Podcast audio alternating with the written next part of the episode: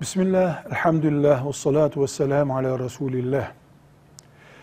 İslam'ımızı, dünya ve ahiretimizi tanımak için Kur'an'ımızı bilmek gerekiyor.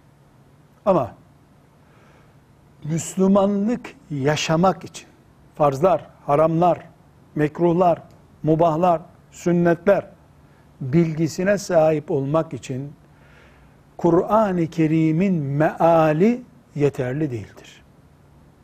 Özellikle kast ederek, altını çizerek tekrar ediyorum. Dinimizi bilmek, ana caddemizi kestirmek için Kur'ansız bir şey tasavvur edemeyiz.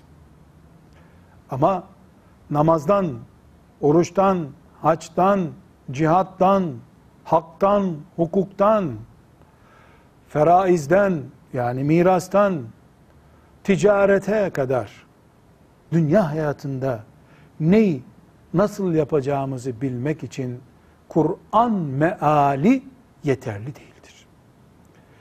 Resulullah sallallahu aleyhi ve sellemin Kur'an'ı açıklayan hadisleri gerekir.